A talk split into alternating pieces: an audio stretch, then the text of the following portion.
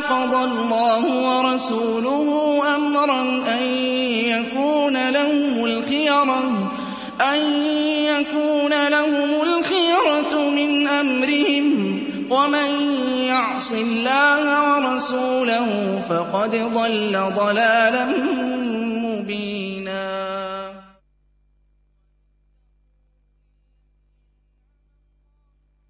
قواعد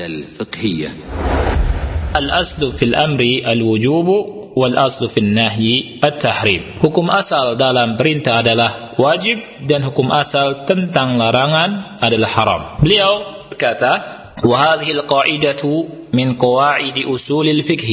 Kaidah ini merupakan bagian dari kaidah-kaidah usul al-fiqh. القواعد الفقهية شرح كتاب منظومة أصول فقه وقواعده karya Syekh Muhammad bin Saleh Al-Utsaimin rahimahullahu taala. Ini kaidah yang besar, kaidatun azimah yang hendaknya para pendengar memahami kaidah ini dengan semestinya. Salah satu dasar kita untuk memahami ayat-ayat Allah dan hadis-hadis Rasulullah Shallallahu Alaihi wa ala alihi Wasallam. Yang disampaikan oleh Al-Ustaz Abu Ya'la Kurnaidi LC Hafirullahu Ta'ala setiap hari Senin pukul 16.30 waktu Indonesia Barat sampai dengan selesai. Roja 756 kHz Al-Qawaid Assalamualaikum warahmatullahi wabarakatuh. Alhamdulillahirabbil alamin wassalatu wassalamu ala nabiyil karim nabiyina Muhammadin wa ala alihi wa sahbihi ajma'in amma ba'd. Ikhwatal Islam saudaraku seiman para pendengar di mana pun Anda berada. Untuk selanjutnya kajian ilmiah kita di sore hari ini insyaallah secara langsung bersama Al-Ustaz Abu Ya'la Kurnaidi hafirahullahu taala dari pembahasan kaidah-kaidah fikih dari syarah manzumah usul fiqh wa qawaidihi karya Syekh Muhammad bin Saleh Al-Utsaimin rahimahullahu taala. Alhamdulillah Al-Ustaz sudah berada di studio dan kita masih akan menyimak pembahasan dari uh, nazom yang ke-25 untuk Anda yang memiliki kitab Manzumah Usul Fiqh wa Qawaidihi uh, terbitan dari Ibnul Jauzi bisa buka halaman 107 dan kami persilahkan pada Ustaz untuk memulai pembahasan falyatafadhal masykura. بسم الله الرحمن الرحيم السلام عليكم ورحمة الله وبركاته وعليكم السلام ورحمة الله وبركاته إن الحمد لله نحمده ونستعينه ونستغفره ونعوذ بالله من شرور أنفسنا ومن سيئات أعمالنا من يهده الله فلا مضل له ومن يدلل فلا هادي له أشهد أن لا إله إلا الله وحده لا شريك له anna muhammadan abduhu wa rasuluh يا أيها الذين آمنوا اتقوا الله حق تقاته ولا تموتن إلا وأنتم مسلمون. يا أيها الناس اتقوا ربكم الذي خلقكم من نفس واحدة وخلق منها زوجها وبث منهما رجالا كثيرا ونساء. واتقوا الله الذي تساءلون به والأرحام. إن الله كان عليكم رقيبا. يا أيها الذين آمنوا اتقوا الله وقولوا قولا سديدا. يصلح لكم أعمالكم ويغفر لكم ذنوبكم. ومن يطع الله ورسوله فقد فاز فوزا عظيما. أما بعد فإن أصدق الحديث كتاب الله وخير الهدي هدي محمد صلى الله عليه وعلى آله وسلم. وشر الأمور محدثاتها فإن كل محدثة بدعة وكل بدعة ضلالة وكل ضلالة في النار Para pendengar Radio Roja yang dimuliakan oleh Allah Subhanahu wa taala, kita memasuki halaman ke-107 dalam kitab Manzumatu Usulil Fiqhi wa Qawaidih dan kita masih berbicara tentang masalah bait yang ke-25 yang Syekh rahimahullahu taala ber, berkata wal aslu anna al amra wan nahya hutim illa idzan nadbu awil kuruhu ulim yang artinya hukum asal bahwa perintah dan larangan itu wajib Artinya hukum asal bahwa perintah itu wajib untuk dilaksanakan dan hukum asal bahwa larangan itu adalah wajib untuk ditinggalkan. Illa idzan nadbu awil kuruhu olim. Kecuali apabila diketahui bahwa perintah itu maknanya adalah sunnah atau bahwa larangan itu adalah maknanya adalah makruh. Di halaman yang ke-107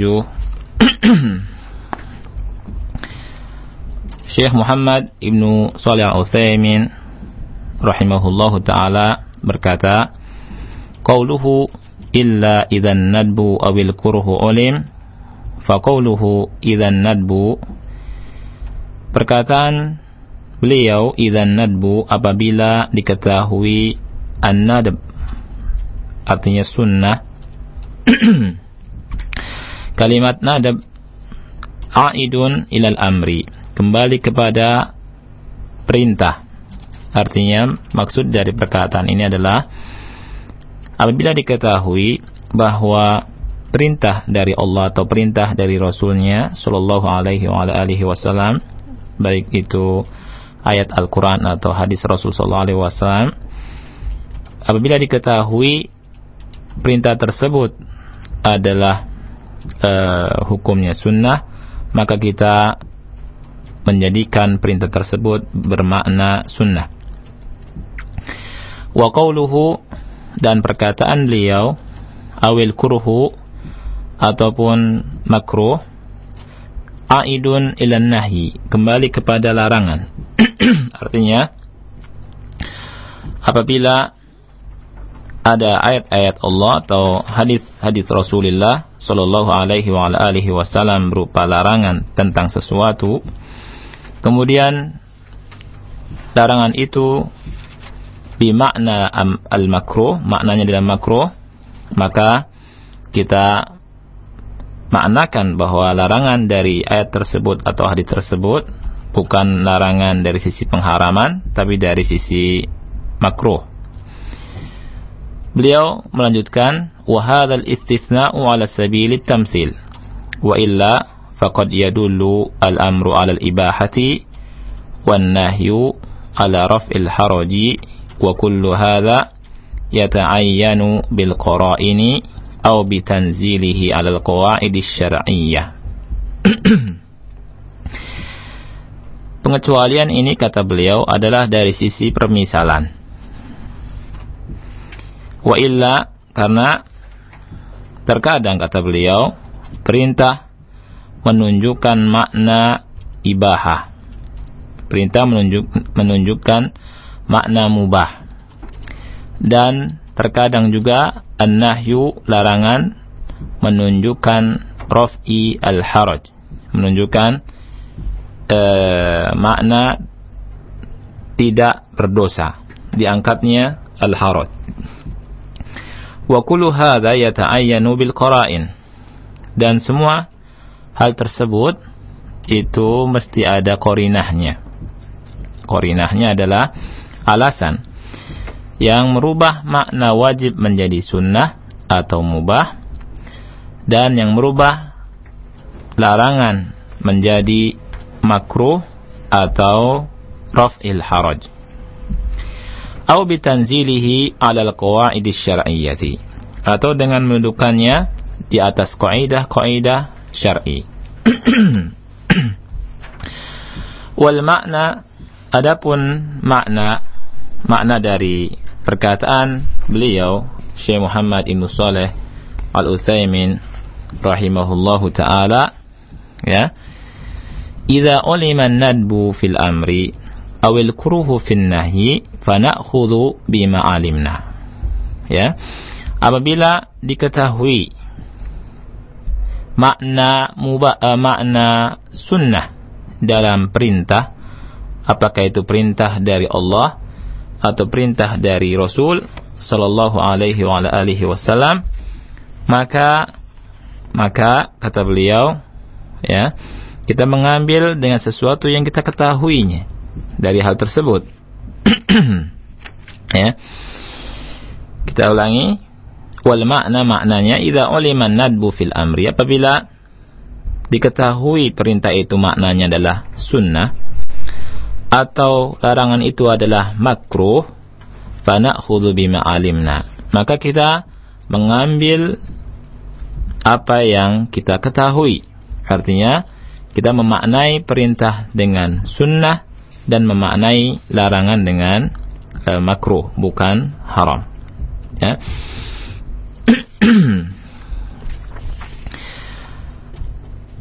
ونعلم هذا imma min fi'li Rasul sallallahu alaihi wa ala alihi wasallam au min qawlihi au min ijma'il ulama'i au min wujudi nadhirin lahu fi syar'i qad sarraha bi annahu linnadbi au ma ashbaha dhalik.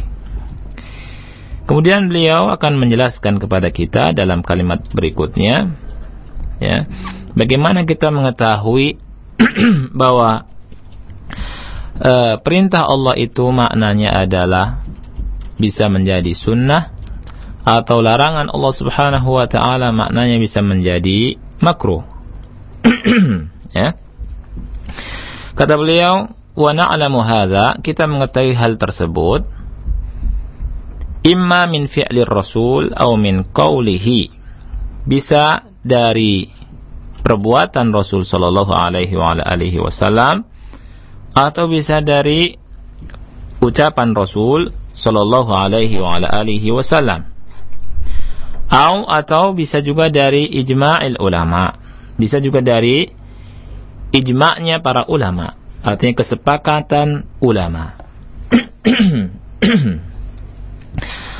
Atau min wujudi nadhirin lahu fi syar'i. Atau juga bisa dari adanya nadhir. Artinya masalah yang mirip dengannya dalam masalah di dalam syariat. Qad saraha bi annahu linnadbi yang telah dijelaskan secara uh, tegas dan secara sorih bahwa perintah tersebut adalah untuk bimakna sunnah ya atau ma asbaha atau yang semisalnya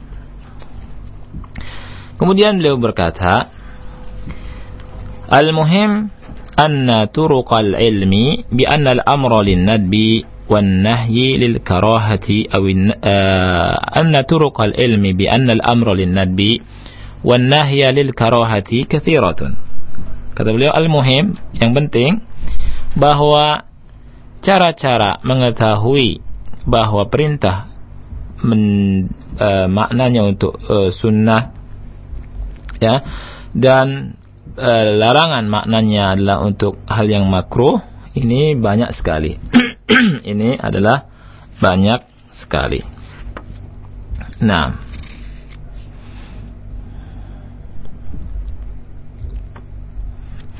dengan berupa dalil tentunya, ya berupa dalil.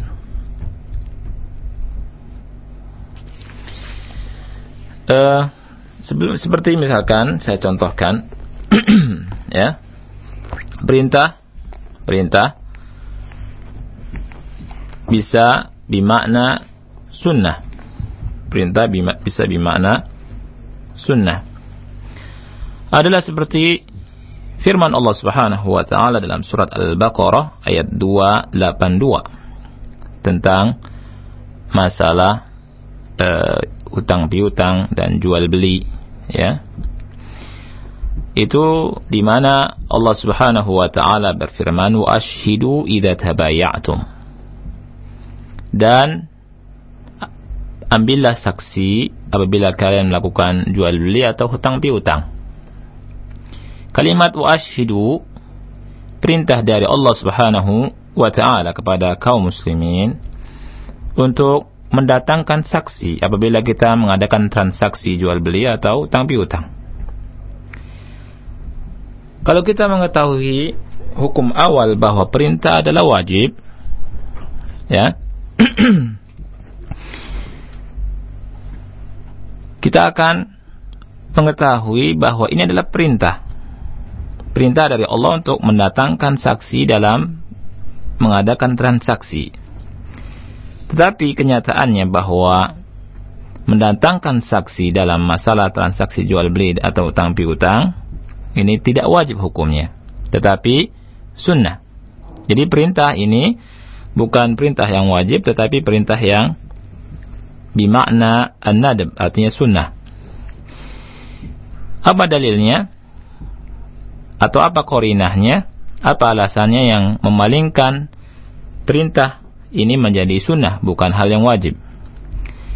Dalilnya adalah bahwa Nabi Shallallahu Alaihi Wasallam itu telah uh, suatu saat telah membeli uh, faros, membeli kuda dari seorang Arabi dan Nabi Shallallahu Alaihi Wasallam tidak mendatangkan saksi atas transaksi jual beli ini. Ya. Dan hadisnya bisa dilihat dalam Musnad Imam Ahmad juga dikeluarkan oleh Al-Imam An-Nasai dalam sunannya juga oleh Al-Imam Abu Dawud dan dalam masalah transaksi Nabi tentang masalah ini memiliki kisah yang panjang ya. Ini salah satu hal yang uh, menunjukkan bahwa perintah itu tidak selamanya bermakna wajib akan tetapi bisa maknanya adalah sunnah. Kemudian di sini dalam halaman 107 Syekh Muhammad Ibn Shalih Al-Utsaimin rahimahullahu taala berkata, "Ahyanan yakunul amru laisa lil wujubi wala lil istihbab." Terkadang perintah juga bukan maknanya untuk menunjukkan makna wajib juga tidak menunjukkan makna sunnah. Bal li'adatil hali ila ma kanat alaih. Bahkan untuk menunjukkan untuk mengembalikan sebuah keadaan kepada semula. Artinya menunjukkan ibahah, menunjukkan bolehnya melakukan sesuatu tetapi tidak wajib dan tidak juga sunnah. Beliau membawakan dalil dari surat Al-Maidah ayat 2 yang mana Rasul yang mulia eh, yang mana Allah taala berfirman dalam surat Al-Maidah ayat kedua Allah taala berfirman يا أيها الذين آمنوا لا تحلوا شعائر الله ولا الشهر الحرام ولا الهدي ولا القلائد ولا آمين البيت الحرام يبتغون فضلا من ربهم ورضوانا وإذا حللتم فاصطادوا yang artinya Wahai orang-orang yang beriman, janganlah kamu melanggar syiar-syiar kesucian Allah dan jangan melanggar kehormatan bulan-bulan haram. Jangan mengganggu hadyu, yaitu hewan-hewan kurban. Dan jangan mengganggu kolaid, yaitu hewan-hewan kurban yang diberi tanda. Dan jangan pula mengganggu orang-orang yang mengunjungi Baitul Haram. Mereka mencari karunia dan keriduan Robnya, keriduan Robnya. Kemudian Allah katakan di sini wa idza halaltum fastadu. Tetapi apabila kamu telah menyelesaikan ihram, artinya telah melakukan tahallul, maka fastadu. Berburulah kalian. Ya. Kalimat fastadu ini adalah perintah dari Allah Subhanahu wa taala untuk melakukan berburu. untuk melakukan pekerjaan berburu. Tetapi perintah di sini bukan bermakna wajib, untuk setelah kita tahallul, setelah melakukan ibadah haji, kemudian kita harus berburu. Tetapi untuk menjelaskan keadaan yang semula, yang artinya sebelum ihram untuk melakukan haji atau umrah, kita boleh dan halal untuk berburu, ya. Kemudian tatkala kita melakukan ihram, maka kita tidak boleh berburu. Setelah melakukan tahallul haji, maka boleh berburu. Di sini Allah Ta'ala berfirman, Wa idha halaltum fastadu. Apabila kalian telah melakukan tahallul, maka berbululah. Oleh karena itu terjemahan yang bagus di sini adalah boleh kamu berburu karena menunjukkan makna ibaha. Dan yang menerjemahkannya ini sangat bagus sekali karena menunjukkan e, tentang pemahaman dia terhadap ayat Allah Subhanahu wa taala. Bisa dilihat di terjemahan Depak. Di situ diterjemahkan dengan bolehlah uh, kamu berburu. Ini menunjukkan bahwa uh, terjemahannya sangat bagus sekali menunjukkan bahwa yang menerjemahkan paham tentang ayat yang mulia ini. Syekh Muhammad Ibnu Shalih Al-Utsaimin berkata di sini huna amrun bil istiyadi ba'dal hil وليس على سبيل الوجوب بالإجماع ولا على سبيل الاستحباب أيضا ولهذا لم يعمل المسلمون بهذا Di sini adalah sebuah perintah dari Allah Subhanahu wa taala kepada kaum muslimin untuk berburu bil istiyad dengan firman Allah wa idza halaltum fastadu. Kalimat fastadu adalah perintah. Memerintahkan kaum muslimin untuk melakukan berburu ba'dal hil. Artinya setelah melakukan tahallul. Tetapi walaysa ala sabilil wujubi bil ijma'. Tetapi perintah ini tidak menunjukkan makna wajib sesuai dengan ijma' dari para ulama. Wala ala sabilil istihbab aydan. Juga tidak menunjukkan makna sunnah. Dan oleh karena itu kaum muslimin tidak melakukannya ya. Melakukan berburu setelah uh, tahallul. Yakni kata beliau ma minhum ahadun tidak ada satupun dari mereka idza halla dhahaba yatlubu sayda apabila telah melakukan tahallul pergi untuk mencari hewan buruan. Karena memahami ayat ini ya. Karena ayat ini bukan perintah yang wajib tetapi perintah yang mubah menunjukkan tentang keadaan sebelum melakukan ihram. Bahwa berburu adalah sesuatu hal yang mubah.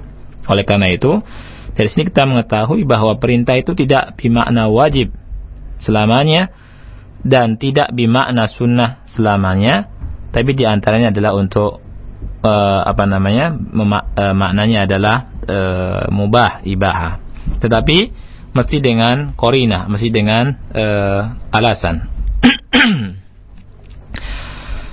Beliau berkata ما منهم أحد إذا حل ذهب يطلب الصيد لكن الأمر به بعد النهي عنه يفيد رفع النهي فيبقى الاستياد على ما كان عليه من قبل فيكون halalan tidak ada seorang pun dari mereka apabila telah melakukan tahallul mereka pergi untuk berburu akan tetapi perintah di sini adalah setelah larangan setelah larangan dari melakukan berburu maka yufidu an nahyi perintah ini memberikan faedah untuk mengangkat larangan. Artinya e, berburu tidak dilarang.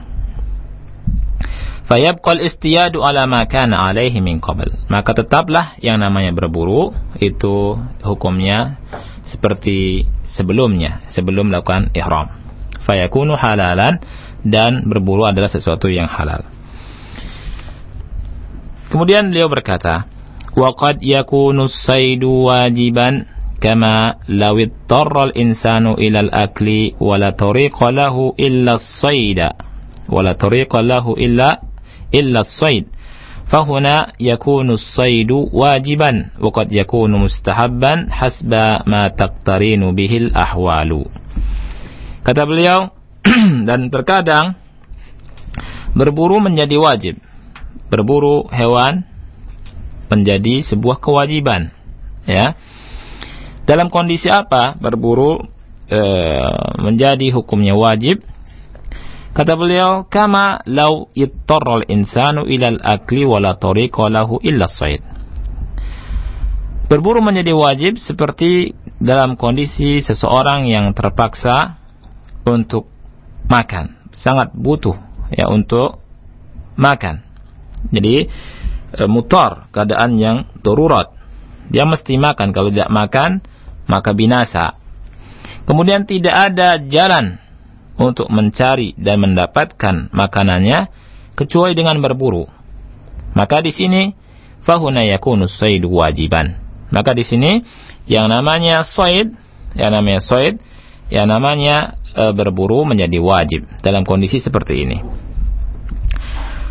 Waqad yakunu mustahabban dan terkadang berburu juga menjadi hukumnya itu sunnah sesuai dengan ma taqtarinu bihil ahwal, sesuai dengan keadaan-keadaan yang mendukung hal tersebut. Artinya berhubungan dengan keadaan-keadaan yang mendukung dari hal tersebut.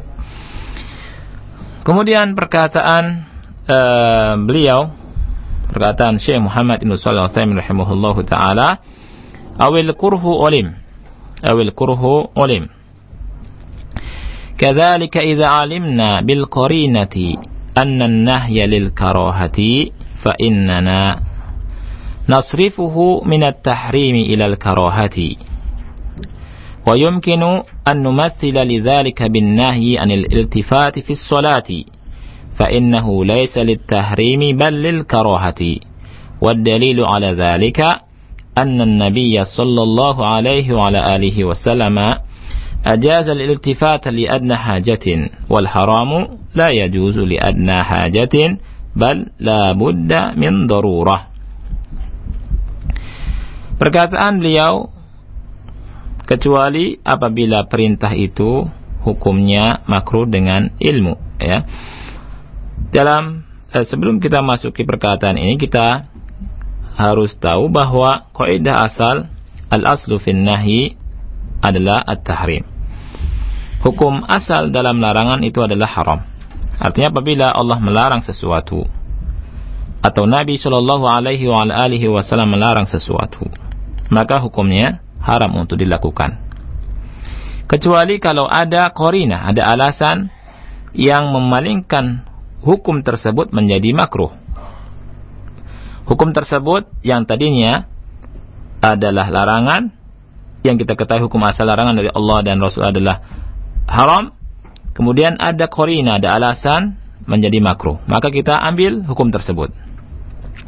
Di sini beliau berkata, "Kadzalik begitu juga Idza alimna apabila kita mengetahui bil qarina dengan sebuah qarina artinya dengan sebuah alasan anna nahya bahwa larangan itu bimakna makruh maka fa innana nasrifuhu min tahrimi ilal karaha maka kita menyimpangkan memalingkan dari makna haram kepada makna makruh.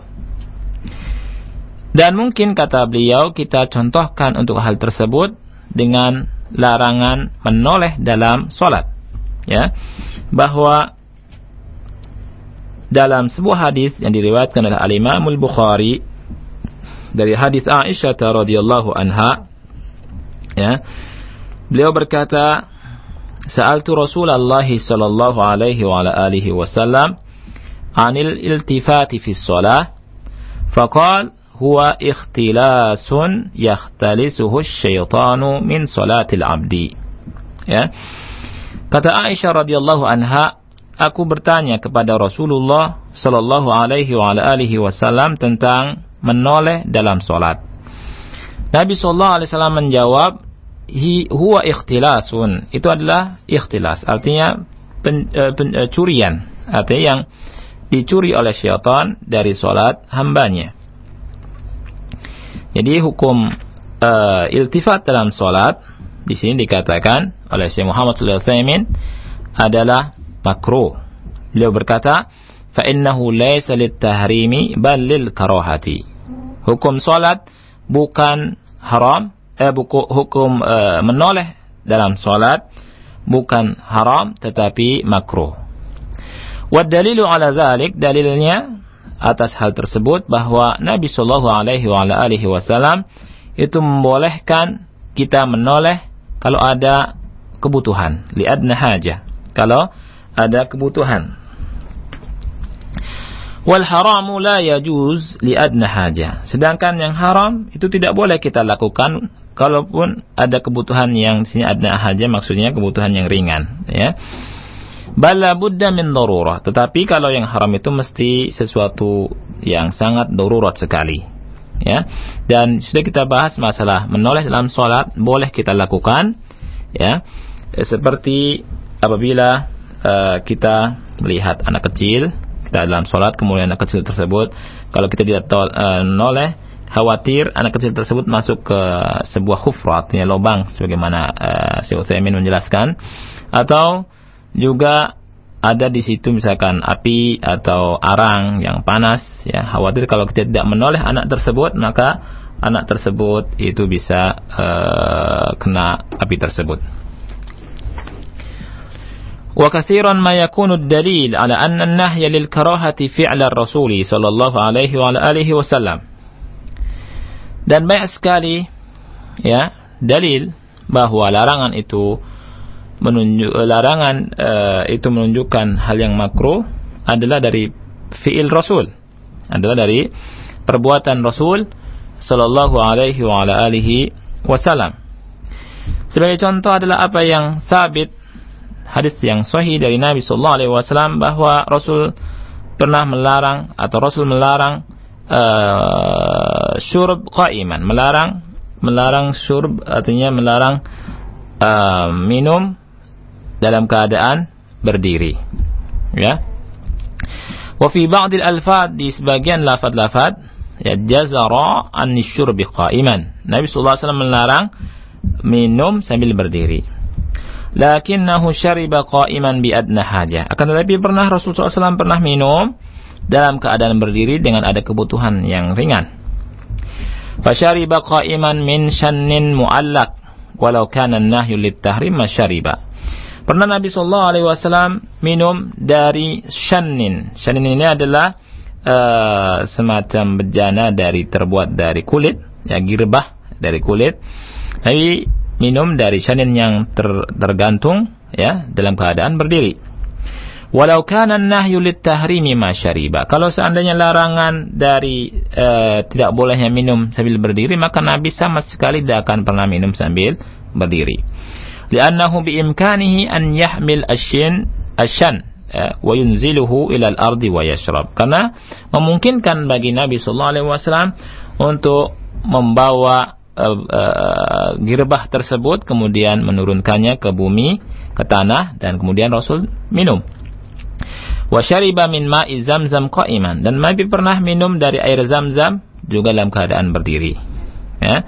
Disebabkan wadzalika lizdihamin nas wa kathratihim haulahu. Karena hal tersebut uh, manusia sedang uh, penuh ya sesak wa dan banyaknya sekitar Nabi sallallahu alaihi wasallam.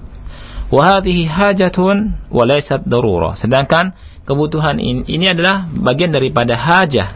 Hajah dan di bawah kedudukannya di bawah darurat ya karena apa annahum kalau sesungguhnya mereka lau ra'auhu tahayya lil julusi la afsahu lahu. Karena mereka kalau melihat Nabi sallallahu alaihi wasallam siap-siap untuk melakukan uh, untuk duduk, la afsahu lahu. Niscaya mereka akan memberikan kesempatan Nabi untuk duduk. La afsahu artinya membuka majlis, melebarkan majlis uh, untuk duduk nih. Kepada uh, dipersilakan bagi Rasul untuk duduk wa alaihi fayakunun nahyu huna lil karaha. Maka dibangun di atas hal ini, maka larangan di sini adalah maksudnya untuk menunjukkan makna makruh. Wa amma ma dhahaba ilaihi ba'dul ulama adapun pendapat sebagian ulama min anna fi'lahu la yukhassisu qawlahu wa la yankuluhu an hukmihi al-asli al-lafzi fa hadha ghairu sahih. Ya. Adapun pendapat sebagian ulama bahwa perbuatan Nabi sallallahu alaihi wasallam tidak menghususkan perkataannya dan tidak menukil atau merubah dari hukum asalnya secara lafzi, secara lafaz, maka ini enggak benar, kata beliau. Ini tidak benar. Jadi perbuatan Nabi sallallahu alaihi wasallam bisa eh, menghususkan perkataannya. Jadi perkataan Rasul tentang haramnya uh, tentang haramnya uh, minum berdiri ini adalah bukan dari sesuatu uh, hukumnya haram, tetapi kata Syekh Utsaimin adalah hukumnya adalah makruh dengan korinah tadi. Nabi SAW pernah melakukan minum sambil berdiri. Wa mimman dhahaba ila hadha asy-Syaukani rahimahullah fa innahu yara anna fi'la Rasul ma ta'arada qawluhu qaddama al-qawl. Dan di antara uh, ulama yang berpendapat seperti ini adalah Al-Imam Syaukani rahimahullah. Beliau memandang bahwa perbuatan Rasul apabila berbenturan dengan uh, perkataan beliau maka adalah didahulukan perkataan Rasulullah Shallallahu Alaihi Wasallam dari perbuatannya. Wallahu a'lam bishawab. Mungkin sampai sini yang bisa kita baca dan mudah-mudahan para pendengar bisa mengambil manfaat dari apa yang dibaca pada sore hari ini dan kita buka tanya jawab sebentar. Baik. Nah, terima kasih untuk Ustaz Jazakallah khairan atas materi dari uh, masih dari pembahasan uh, Nadom yang ke-25 disampaikan oleh eh, beliau di sore hari ini. Semoga bermanfaat. Dan ikhwatal Islam saudaraku siman kami akan uh, undang Anda untuk berinteraksi bersama beliau dalam sesi tanya jawab nanti. Namun kami akan hadirkan beberapa jeda yang berikut ini. Al-Qawaid al-Fiqhiyah. Al-Aslu fil amri al-wujubu الوجوب والأصل في النهي التحريم Hukum asal dalam perintah adalah wajib dan hukum asal tentang larangan adalah haram. Beliau berkata, وهذه القاعدة من قواعد أصول الفقه. Kaidah ini merupakan bagian dari kaidah-kaidah usul al-fiqh. القواعد الفقهية شرح كتاب منظومة أصول فقه وقواعده karya Syekh Muhammad bin Saleh Al-Utsaimin rahimahullahu taala. Ini kaidah yang besar, kaidatun azimah yang hendaknya para pendengar memahami kaidah ini dengan semestinya. Salah satu dasar kita untuk memahami ayat-ayat Allah dan hadis-hadis Rasulullah Shallallahu Alaihi wa ala alihi Wasallam. Yang disampaikan oleh Al-Ustaz Abu Ya'la Kurnedi LC Hafirullah Ta'ala setiap hari Senin pukul 16.30 waktu Indonesia Barat sampai dengan selesai. Roja 756 kHz Al-Qawaid Al-Fiqhiyah. Al-Qawaid Al-Fiqhiyah. Alhamdulillah wassalatu wassalamu ala rasulillah nabina Muhammadin wa ala alihi wa sahbihi wa man walah wa ba'd. Ikhwatal Islam saudaraku seiman untuk selanjutnya kami buka kesempatan untuk Anda yang akan bertanya di sore hari ini. Kami persilakan di 0218236543 atau melalui pesan singkat di 0819896543 dan tentunya kami mohon maaf pertanyaan Anda disesuaikan dengan tema dan pembahasan kita di sore hari ini agar uh, lebih menambah dan uh, kita dapatkan faidah yang banyak dari pertanyaan antum. Kami akan angkat pertanyaan yang pertama dari penelpon kita. Halo. Assalamualaikum warahmatullahi wabarakatuh. Waalaikumsalam warahmatullahi wabarakatuh. Dari mana Ibu? Dari Ibu Wati di Bekasi. Silakan Ibu Wati. Ya. Uh, Ustadz, saya ya. mau menanyakan uh, kalau di apa uh, di Mekah kan sekarang termasuk tanggal 9 ini Julhijjah ya Ustaz. Uh, Ibu? Ya. Iya. Uh, bagaimana Ustaz? Ini pertanyaan uh, uh. yang jelas keluar dari tema kita. Iya, iya. ya maksudnya mau nanyain yeah. hadisnya itu loh yang uh, puasa di dalam uh, hari Arafah itu bagaimana itu maksudnya gitu? Hmm. Gimana? Itu hadisnya sahih apa gimana Ustaz?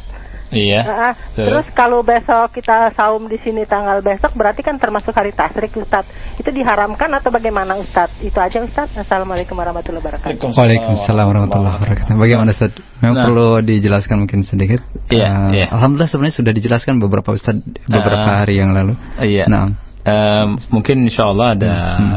apa namanya siaran ulang dari beberapa Ustaz. Hmm di malam ya. Insya Allah malam hari nanti kita akan sharekan iya. beberapa uh, pembahasan yang disampaikan oleh asatid kita. Iya tentang masalah ini hmm. dan ibu bisa nyimak karena pembahasan lebih luas. Nah, ya. Hmm. Taib. Nah, demikian untuk Ibu Wati, mohon maaf dan bisa menyimak pada sesi kajian yang kedua di malam hari nanti.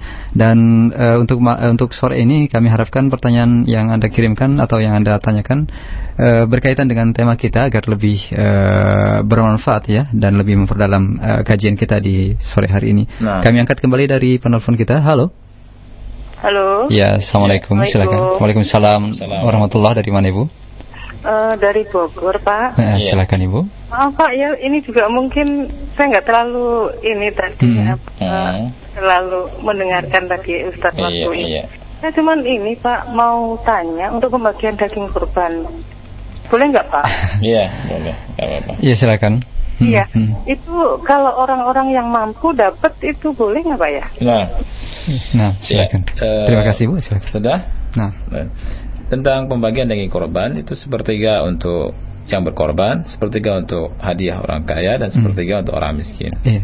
Wallahu a'lam nah, nah, jadi ya, boleh ya, silakan yeah. ya. Hmm. Nah. Taib, uh, selanjutnya kita angkat pertanyaan yang datang uh, dari pesan singkat saja yang uh, berkaitan dengan materi kami pilihkan saja saja. Iya. Yeah. Uh, berkaitan dengan hukum uh, minum ketika berdiri Ustaz. Tadi mm. dijelaskan uh, ada uh, mm. diperbolehkan karena Rasulullah SAW pernah uh, minum berdiri. Yang uh, diperbolehkan di sini mungkin perlu dijelaskan uh, kondisi yang bagaimana Ustaz. Nah, Jazakallah khairan. Baik, barakallahu fiikum.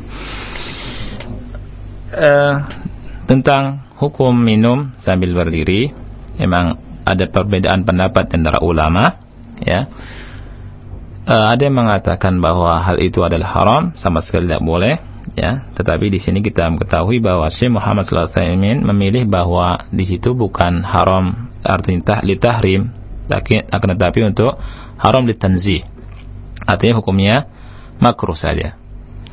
Dengan dasar bahwa Nabi pernah memang bersabda bahwa uh, dalam dalam sebuah riwayat ya dalam riwayat Imam Muslim ya bahwa jazara ani ani ani syurbi qa'iman. Bahwa Nabi sallallahu alaihi wasallam dalam hadis uh, Abu Sa'id Al-Khudri beliau melarang orang minum dalam keadaan berdiri ya sambil berdiri Syekh Utsaimin rahimahullah taala mengatakan bahwa larangan ini bukan larangan tahrim bukan larangan untuk haram tetapi makruh tetapi makruh apa dasarnya beliau mengatakan hal itu adalah makruh? Karena ada beberapa hal yang memalingkan makna tahrim kepada makna makruh. Di antaranya kata beliau bahwa Nabi sallallahu alaihi wasallam pernah minum berdiri dari sebuah girbah ya. Kemudian juga pernah Nabi SAW minum berdiri dalam air zam-zam dalam keadaan berdiri dan waktu itu adalah sesak. Kata Syekh Utsaimin, uh, karena sesaknya manusia waktu itu. Dan Syekh berkata bahwa kalau seandainya Nabi Shallallahu Alaihi Wasallam mau duduk, niscaya mereka manusia akan memberikan menyilakan memberikan mempersilahkan Nabi SAW untuk hmm, hmm. duduk. Yeah. Nah, hmm. Jadi inilah hal yang memalingkan atau memindahkan makna haram menjadi makna makruh. Hmm. Tetapi perlu diketahui, perlu yeah. diketahui bahwa sebaik-baik kita dalam menghindari hal yang makruh ya menghindari hal makruh dan kita duduk uh, kalau kita minum ya hmm. wallahu a'lam nah, terima kasih untuk jawaban Ustaz nah. kemudian kita angkat pertanyaan yang datang dari pesan singkat kembali dari iya, Pak Heru di Jakarta Ustaz tadi menjelaskan bahwasanya al aslu finnahyi uh, al haram Ustaz ya yeah. kecuali ada korinah yang menjadikannya makruh begitu Sahih. yang jadi pertanyaan Pak Heru ini hmm. uh, yang korinah di sini ditentukan secara dalil ataukah ada kaidah lain Ustaz nah. sehingga ada ada ketika ada perlarangan kemudian menjadi makruh begitu Ustaz. Nah, hmm. e, tentunya adalah tadi sudah dijelaskan oleh Syekh Utsaimin bahwa yang memalingkan e, sesuatu yang haram menjadi makruh atau perintah menjadi mubah, e, mustahab atau mubah dan seterusnya itu tentunya dengan dalil. Ya bisa dengan dalil dari ima dari perbuatan Rasul sallallahu alaihi wasallam, hmm. ima dari perkataan Rasul sallallahu alaihi wasallam, ima dari ijma para ulama atau dari sisi uh, ada nazir yang tadi disebutkan oleh beliau ya. Sebagai contoh uh, bahwa uh, perint, uh, larangan uh, bisa berpaling kepada makna-makna yang lain dari hal yang haram adalah uh, tatkala Syekh Utsaimin berbicara di kitab Al-Usul min Ilmi Al-Usul, beliau mengatakan bahwa uh, terkadang uh, larangan itu bisa maknanya makruh, ya. Terkadang maknanya makruh. Seperti uh, sabda Nabi yang mulia alaihi salatu yang mana Rasul berkata la yam la yamusanna la yamasanna ahadukum dzakarahu bi yaminihi wa huwa yabul Janganlah salah satu di antara kalian memegang zakarnya ya, memegang kemaluannya waktu eh dengan tangan kanannya waktu buang air seni. Ya, hadis ini riwayat Al-Imam Al-Bukhari dan Imam Muslim. Uh, jumhur ulama memandang hadis yang mulia ini bahwa larangan Nabi Wasallam tidak boleh salah satu dari uh, kita tatkala kencing atau buang air seni itu memegang zakarnya larangan di sini larangan Rasul adalah bukan larangan tahrim, tapi larangan lil karaha. Larangan yang maknanya adalah makruh. Artinya hukumnya makruh salah satu di antara kita memegang zakarnya waktu kita kencing. Karena eh, apa? Karena ada dasar yang lain ya bahwa Nabi sallallahu alaihi wasallam pernah berkata bahwa eh, zakar adalah innama huwa bid'atun minal insan bid'atun minka bahwa zakar bagian daripada uh, tubuh kita ya. Dan hikmah dari larangan itu adalah tanzihu al-yamin kata Syekh Muhammad sallallahu alaihi wasallam untuk mensucikan tangan yang kanan. Kemudian juga terkadang larangan itu tidak bermakna tahrim tetapi maknanya al-irsyad. Al-irsyad adalah Rasulullah membimbing kita ya untuk melakukan sesuatu. Seperti pernah Rasulullah SAW dalam sebuah riwayat yang diriwayatkan oleh Imam eh, Ahmad dalam musnadnya juga Imam Nasai dan Imam Abu Dawud bahwa Rasulullah SAW berkata kepada Mu'ad bin Jabal, "La tada'anna an taqula dubura kulli salatin ya ala dzikrika wa syukrika wa husni ibadatik." Kata Rasul, janganlah engkau wahai uh, Mu'ad sekali-kali meninggalkan untuk mengucapkan setiap di, di akhir setiap kali solat untuk berkata ya Allah uh, tolong tolonglah aku untuk selalu berzikir kepada Engkau, selalu bersyukur kepada Engkau dan baik dalam beribadah kepada Engkau. Jadi kalimat la tada'anna janganlah engkau meninggalkan ini adalah uh, bukan hukumnya haram apabila meninggalkan zikir tersebut tetapi adalah untuk irsyad. Irsyad adalah memberitahu kepada Mu'ad bahwa hal tersebut adalah baik. Tapi kalau Mu'ad sekali-kali meninggalkan itu tidak tidak berdosa. Ini mak makna dari uh, irsyad.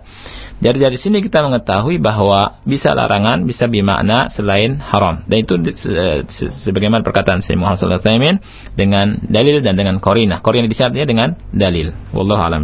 Nah. Terima kasih atas jawabannya. Jazakallah khairan wa hasanallahu ilaikum. Berikutnya kita angkat pertanyaan dari Ummu Salman di Tanjung Priuk. Silakan Ibu.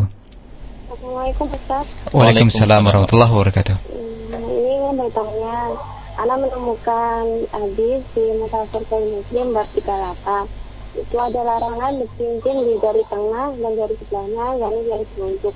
Apakah larangan ini masuk ke haram ataukah makruh? Uh, sebentar. Halo, halo Ibu. Iya. Ya.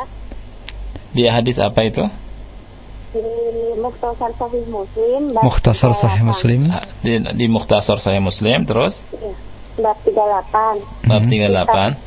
Kitabnya kitab tentang pakaian dan perhiasan. Mm-mm. Diriwayatkan dari Ali, dia Mhm. berkata yang artinya Rasulullah melarangku bercincin di jari ini atau ini. Apa Ali di mengatakan, apa?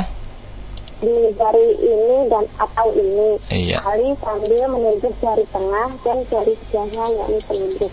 Nah. Nomor apa ini hadisnya nomor 1379 Ustaz. Iya. 1739. 1379. 1300 berapa? Baik. 70. 79. Nah. Nah. Iya. Baik, terima kasih. Oh iya, masya Allah. Ini uh, faedah Hmm. ya dari ibu dan insya Allah anda uh, tidak jawab dulu, anda cek dulu. Nanti maknanya juga Hmm. anda cek lihat uh, dari perkataan para ulama ya. Kita Hmm. lihat di syarahnya. Nah, Nah, nah, terima kasih untuk Ibu. Eh, semoga kita bisa eh, mendapat jawaban di kesempatan yang akan datang saja. antum tulis Taib, taib. Nah, Iya, sudah. syukur. Nah, taib. Kemudian ikhwatal Islam kami masih berikan kesempatan di 0218236543. Halo. Assalamualaikum Waalaikumsalam warahmatullahi wabarakatuh. Dari mana, Pak? dari Yusuf dari Salemba. Silakan Pak Yusuf. Ini saya pernah mendengar di radio Roja juga Silakan. ada Iya. yang menjamu seorang syekh ya eh, itu mengenai eh, apa namanya apa yang dilakukan di sini seperti minum ya Iya. minum langsung di botol aqua itu dia nggak mau nggak nggak mau dia katanya Mhm. nggak boleh apa gimana pak Mhm. hukumnya apa haram apa Oh, begitu. makruh itu Baik, Iya. Pak. Contoh Nah, pakai sendal ya, pakai pakai sendal itu yang kanan dulu baru yang kiri gitu. betul. Hmm, Iya. Nah, itu gimana tuh? Baik. Nah, Baik, nah. terima kasih Pak Yusuf. Nah, silakan Nah. Ustaz. Nah. Taib, eh, kalau kita mengetahui tentang kaidah yang disebutkan oleh Syekh Utsaimin rahimahullah taala dalam pertemuan-pertemuan yang lalu, Nah. Dalam masalah hukumnya selain hukum ibadah, hukum masalah adab, apabila ada larangan-larangan seperti itu, Syekh Utsaimin lebih condong maknanya dalam ma- masalah adab ini adalah masalah makruh. Ya, masalah makruh. Seperti mas- eh, masalah eh, minum tadi dan seterusnya. Wallahu a'lam bishawab. Ini yang Anda pahami. Nah, Nah, terima kasih untuk jawabannya dan kami angkat dari penelpon kembali di 0218236543. Halo. Assalamualaikum. Waalaikumsalam Waalaikumsalam Ah, numpang nanya ini Silakan. Pak Iya, soal silakan. Idul Adha besok ini bagaimana ini? Iya, kembali ke permasalahan ini Iya. Pak ya. Eh, Terima kasih Pak. Iya, untuk eh, se- untuk masalah ini ada ikhtilaf tentunya perlu diketahui oleh kaum muslimin semuanya ya. Saya Hmm. Jawab singkat saja nanti insya Allah nanti ada siaran ulang dari salah beberapa asatidah ya. Hmm. Ada mesti dipahami oleh kaum muslimin, kita mesti berlapang dada tentang masalah ini. Jangan sampai masalah ini membuat kita ini pecah, membuat kita ini ribut dan seterusnya. Yeah. Dan kita uh, mengambil sesuatu yang kita yakini ya sesuatu yang kita yakini dan saya ingatkan kepada kaum muslimin uh, sadarkah tidak kapan antum semua masuk ke dalam bulan Dzulhijjah? Iya. Ya.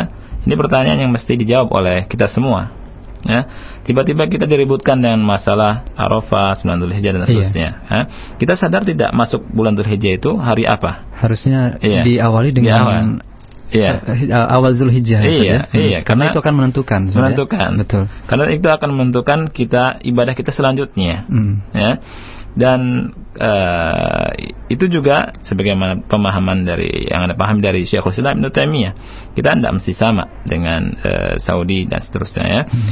dan uh, apa namanya tapi perlu diketahui bahwa memang ada pendapat ulama yang mengatakan bahwa ikut dengan uh, apa namanya ukuf di Arafah hmm. Hmm. dan uh, ada juga pendapat ulama seperti Syekhul Islam Ibnu Taimiyah dan Syekh Utsaimin ya hmm. rahimahullah taala yang uh, tidak mengapa uh, kita mengikuti, mengikuti pemerintah mengikuti matlaknya masing-masing negara masing-masing ya. hmm.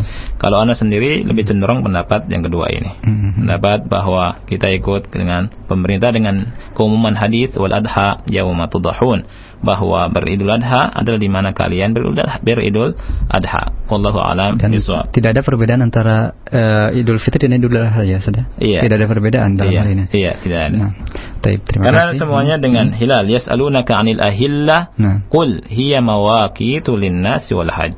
Katakanlah hmm. mereka bertanya tentang hilal. Hmm. Hilal itu adalah mawakid, waktu-waktu untuk manusia, waktu-waktu untuk di antara waktu untuk beribadah. Hmm. Juga secara khusus Allah sebutkan wal haji hmm. dan waktu haji. Hmm. Dan perlu disadari bahwa di, diketahuinya kita adanya uh, wukuf di Arafat uh, apa namanya? Tanggal uh, besok itu kan lewat uh, yang sudah canggih ya. saat ini. Saat ini ya, ya sedang wukuf Sedangkan coba zaman buyut kita, zaman bapaknya buyut kita, bahkan zamannya Ibnu Taimiyah mungkin tidak terjadi perubahan. Sebelum iya. adanya teknologi iya. mungkin terjadi, yang canggih. Iya, ya. iya. Hmm. mungkin terjadi perbedaan dan itu dihukum oleh para ulama syah sah saja. Sah sah saja. Nah, karena sekarang diketahui jadinya seperti iya. apa ribut nah, begitu ya sedih. Iya. Ya, iya itu hmm. enggak apa-apa cuma kita hendaknya uh, apa namanya berlapang, berlapang dada, dada nah, hmm. menghadapi hal ini dan juga tapi lebih baik kita ikut pemerintahnya kan untuk mempersatukan kaum muslimin nah. sesuai dengan negerinya masing-masing nah. dulu. Baik, terima kasih untuk jawaban Ustaz. Semoga uh, yang sedikit ini bisa memberikan jawaban untuk para pendengar ya. Kami angkat pertanyaan yang selanjutnya dari uh, pendengar melalui telepon di 0218236543 kembali. Halo. Halo, assalamualaikum. Waalaikumsalam warahmatullahi dari mana Pak? Nah, tadi saya mau itu masalah yang tadi barusan dibahas ya. Nah. Kan disebutkan yang saya tahu ya. Iya. Kalau untuk Idul Fitri berbuka kamu dengan melihat bulan. Mm-hmm. Itu kalau haji itu hanya Arafah yang tahu saya tahu hadisnya. Al nah, saya ingin tahu hadisnya hadisnya haji itu nengok bulan gitu. Nah, itu ada hadis-hadis. Oh, haji itu Arafah gitu. Ya tadi Allah Taala berfirman, "Yas'alunaka 'anil ahillah, qul hiya mawaqitu linasi wal hajj." Kan kita berbicara tidak dengan hadis saja, digabungkan dengan berbagai macam dalil. Di antaranya yas'alunaka 'anil ahilla qul hiya mawaqitu lin-nasi wal hajj ya.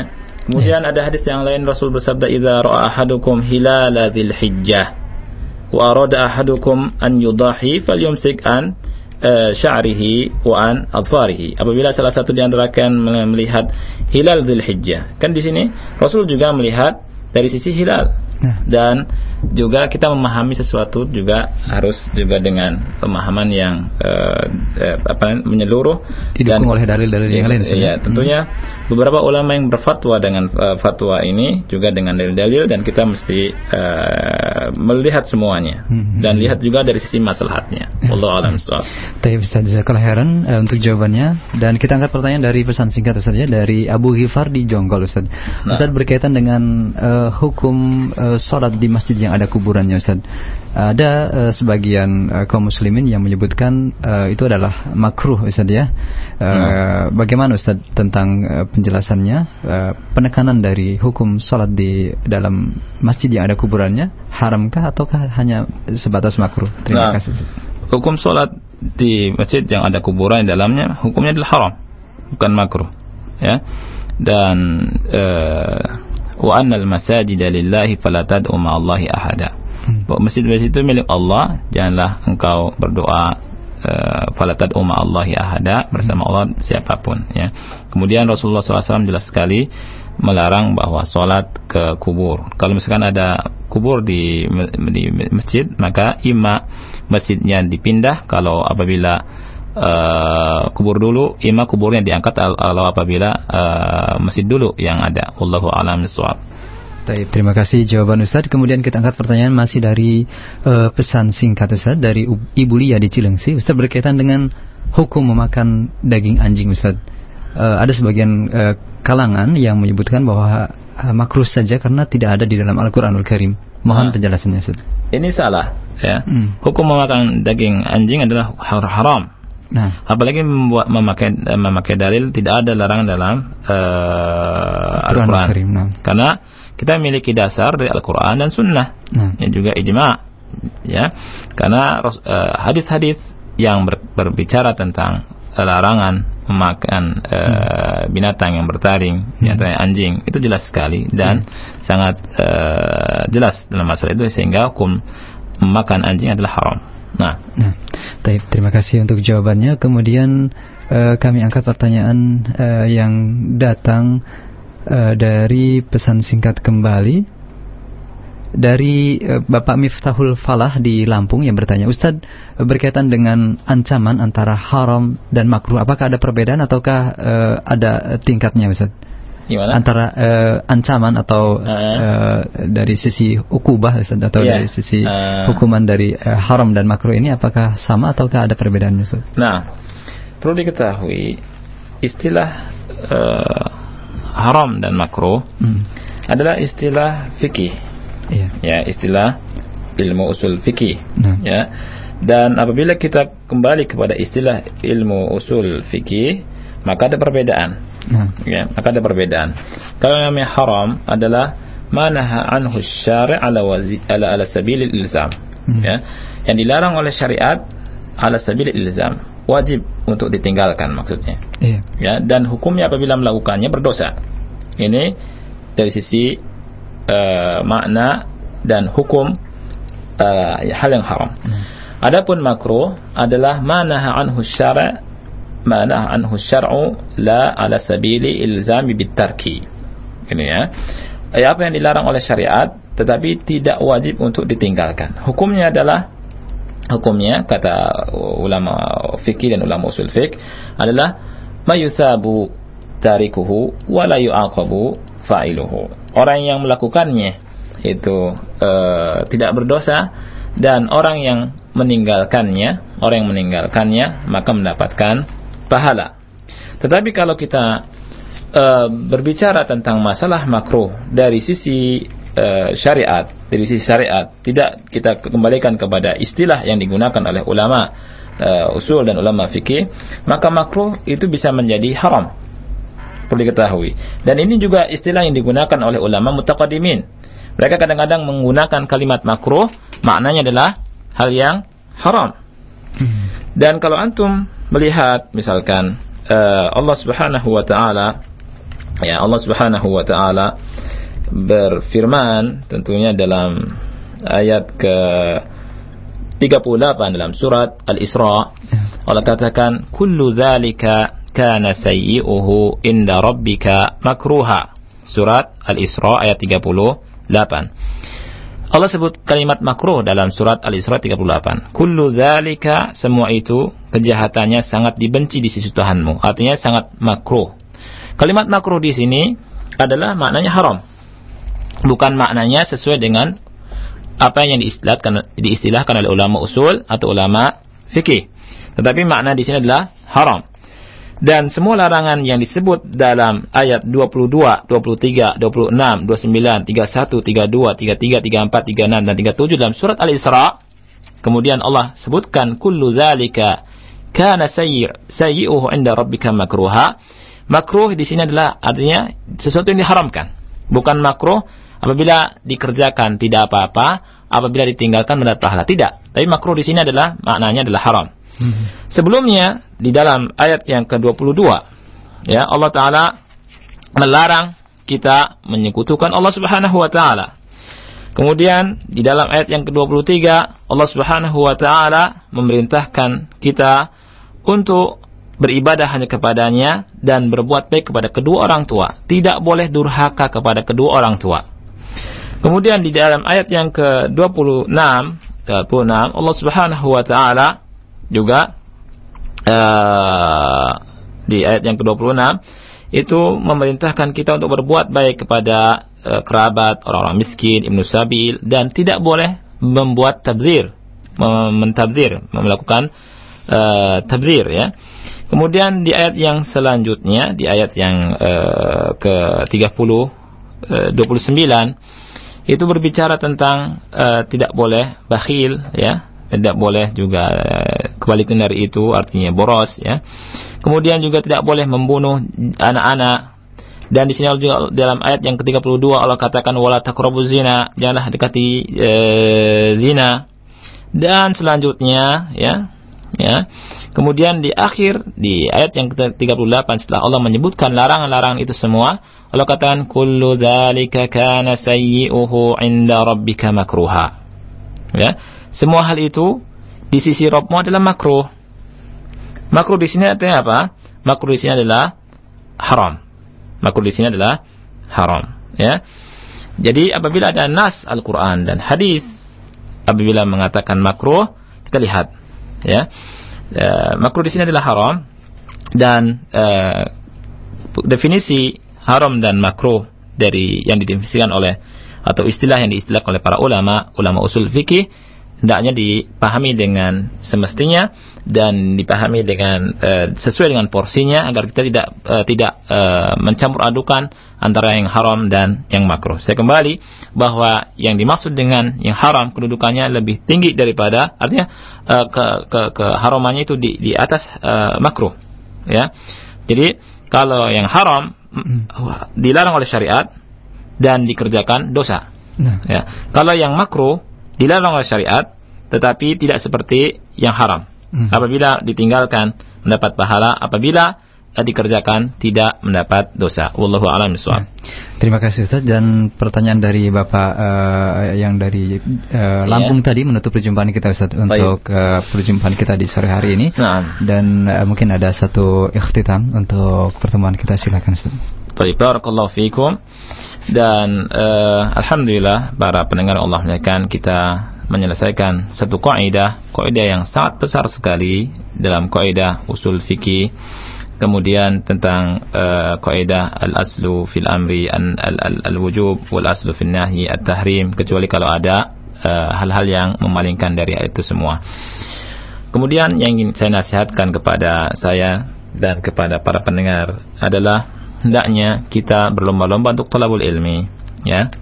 Berlomba-lomba untuk nuntut ilmu dan hendaknya kita bersikap dewasa dalam semua hal, dalam semua hal, ya. Dan kembalikanlah perkara-perkara kita kepada para ulama. Apabila eh, perkara-perkara e, itu menyangkut tentang masalah umat, ya. Fas'alu ahla dzikri in kuntum la ta'lamun. Bertanyalah kepada ahlu dzikri apabila kalian tidak mengetahuinya dan ulama masih hidup dan uh, kita hendaknya menahan diri kita dari apalagi dalam masalah-masalah yang uh, sekarang sedang dihadapi yaitu masalah Idul Adha dan seterusnya janganlah kita uh, dengan uh, karena masalah ini uh, kaum muslim menjadi pecah kaum muslimin menjadi uh, saling kotok-kotokan satu sama lain tapi hendaknya kita uh, berlapang dada ya dan kita menghadapi ini semua dengan hati yang jernih dan e, menghadapi sem ini semua juga dengan kembali kepada para ulama kita hmm. bertanya kepada ahlinya Betul. dan kita di maaf ya kita hanya menyampaikan perkataan para ulama. Betul. Dan kita belum para asyat kita belum masuk kepada derajat ulama tentunya dan kita kembali kepada para ulama. Fas'alu ahla dzikri in kuntum la ta'lamun. Nah. Kita nggak boleh uh, apa namanya dalam berbicara masalah ini uh, dengan uh, hawa nafsu kita dengan uh, memahami dengan serampangan. Nah. Karena permasalahan ini adalah bukan permasalahan yang sepele, bukan permasalahan ringan dan kita lebih tenang apabila ada ulamanya. Ya, nah. taib. Mungkin itu saja nah. yang bisa saya sampaikan, mudah-mudahan bermanfaat.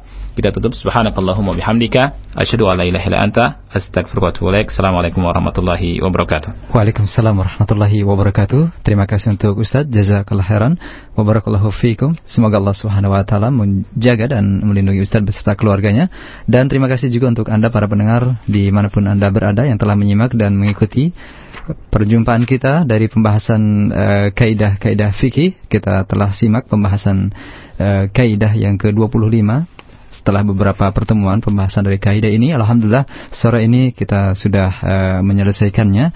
Semoga Allah Subhanahu wa taala mempertemukan kita bersama beliau dengan kaidah-kaidah selanjutnya dari pembahasan uh, manzumah uh, usul fiqh wa qawaidihi karya Syekh Al-Allamah Muhammad bin Saleh Al-Utsaimin rahimahullahu taala Ikhwatal Islam saat ini pukul 17.46 menit waktu Indonesia Barat Tiba saatnya bagi kita untuk mengumandangkan azan sholat maghrib untuk wilayah Jakarta dan sekitarnya Kami undur diri, mohon maaf atas segala khilafan Wassalamualaikum warahmatullahi wabarakatuh القواعد الفقهية الأصل في الأمر الوجوب